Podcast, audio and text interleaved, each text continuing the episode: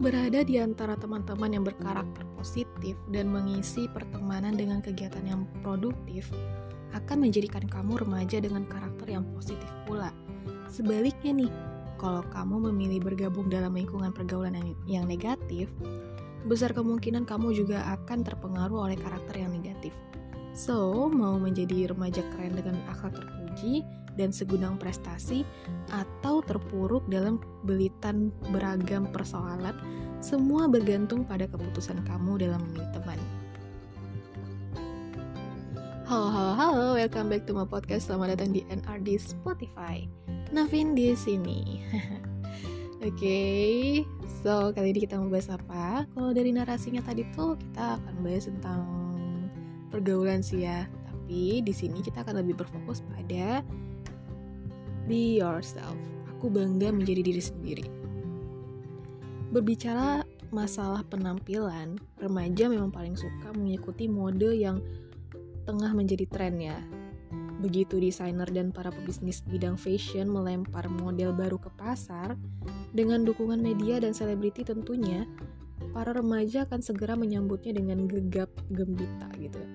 Mereka akan mengikuti gaya baru tersebut tanpa banyak pertimbangan.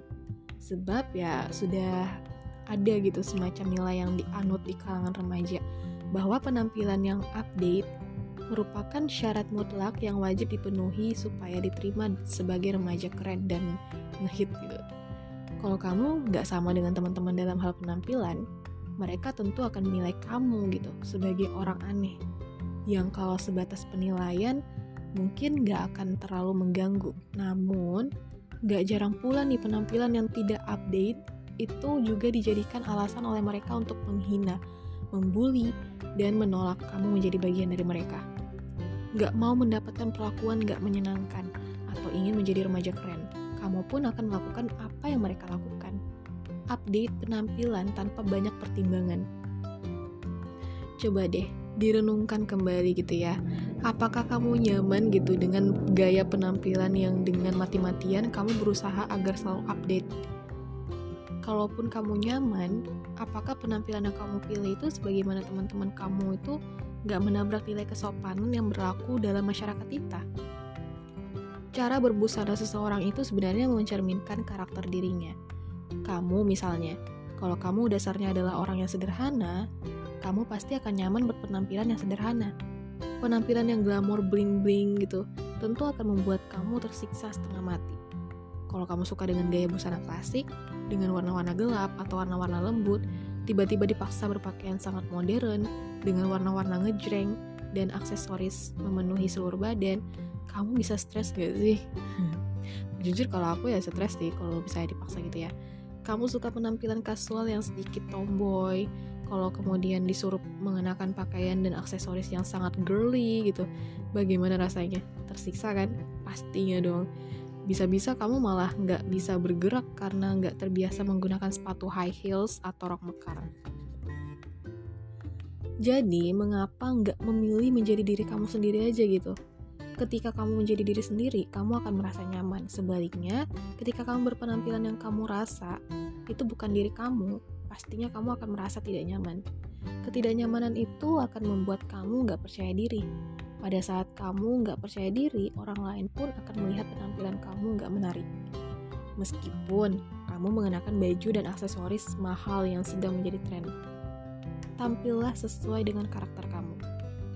Kamu nggak perlu menjadi korban mode kalau memang nggak serak gitu untuk menggunakannya. Selain itu, yang jauh lebih penting untuk dipertimbangkan adalah dalam hal penampilan faktor kesopanan, kerapian, dan kesesuaian dengan situasi. Kalau kamu gak suka dengan tren terbaru berbusana untuk kalangan remaja, tampil sopan, rapi, dan sesuai dengan situasi adalah pilihan terbaik untuk kamu.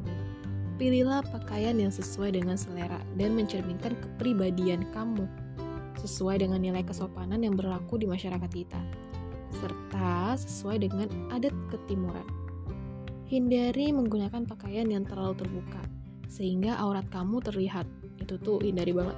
Hindari pula pakaian yang terlalu ketat sehingga memperlihatkan lekuk tubuh kamu. Hindari pakaian seperti itu, meskipun sebagian besar teman kamu mengenakannya. Selain gak sesuai dengan nilai-nilai kesopanan, pakaian yang terlalu terbuka kayak mini dan ketat gitu juga dapat membuat kamu menjadi korban pelecehan atau kekerasan seksual yang saat ini marak terjadi. Lindungilah diri kamu dan kejahatan dengan berpakaian sopan. Penampilan yang sopan, rapi, dan sesuai situasi akan membuat orang lain menghargai kamu Sebaliknya pun, pakaian yang terlalu terbuka, mini, dan ketat akan membuat kamu dipandang sebagai orang yang tidak baik. Apalagi kalau kamu menambahnya dengan make up, gaya rambut, dan aksesoris yang berlebihan. Bagaimana dengan olok-olok yang kemungkinan dilontarkan teman-teman kamu yang selalu update dan dalam penampilan? Berhentilah menggunakan standar orang lain. Kamu gak akan mungkin bisa menyenangkan semua orang So, jalani hidup kamu sendiri. Jadilah diri sendiri dan kejar kebahagiaan kamu sendiri. Lagi pula, teman yang baik akan menerima kamu apa adanya kan? Mereka nggak akan menuntut kamu untuk menjadi orang lain, menjadi seperti mereka. Kalau pilihan menjadi diri sendiri itu membuat kamu diejek, carilah teman yang lain. Teman yang begitu tuh nggak pantas untuk dipertahanin gitu ya.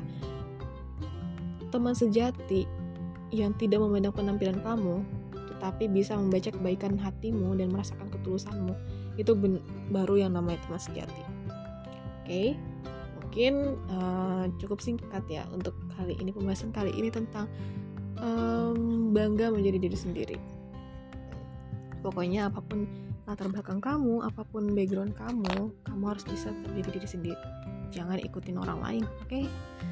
Hmm, Navin, Roxana dan Nisa cukup sampai di sini. See you next time podcast. Bye bye semuanya.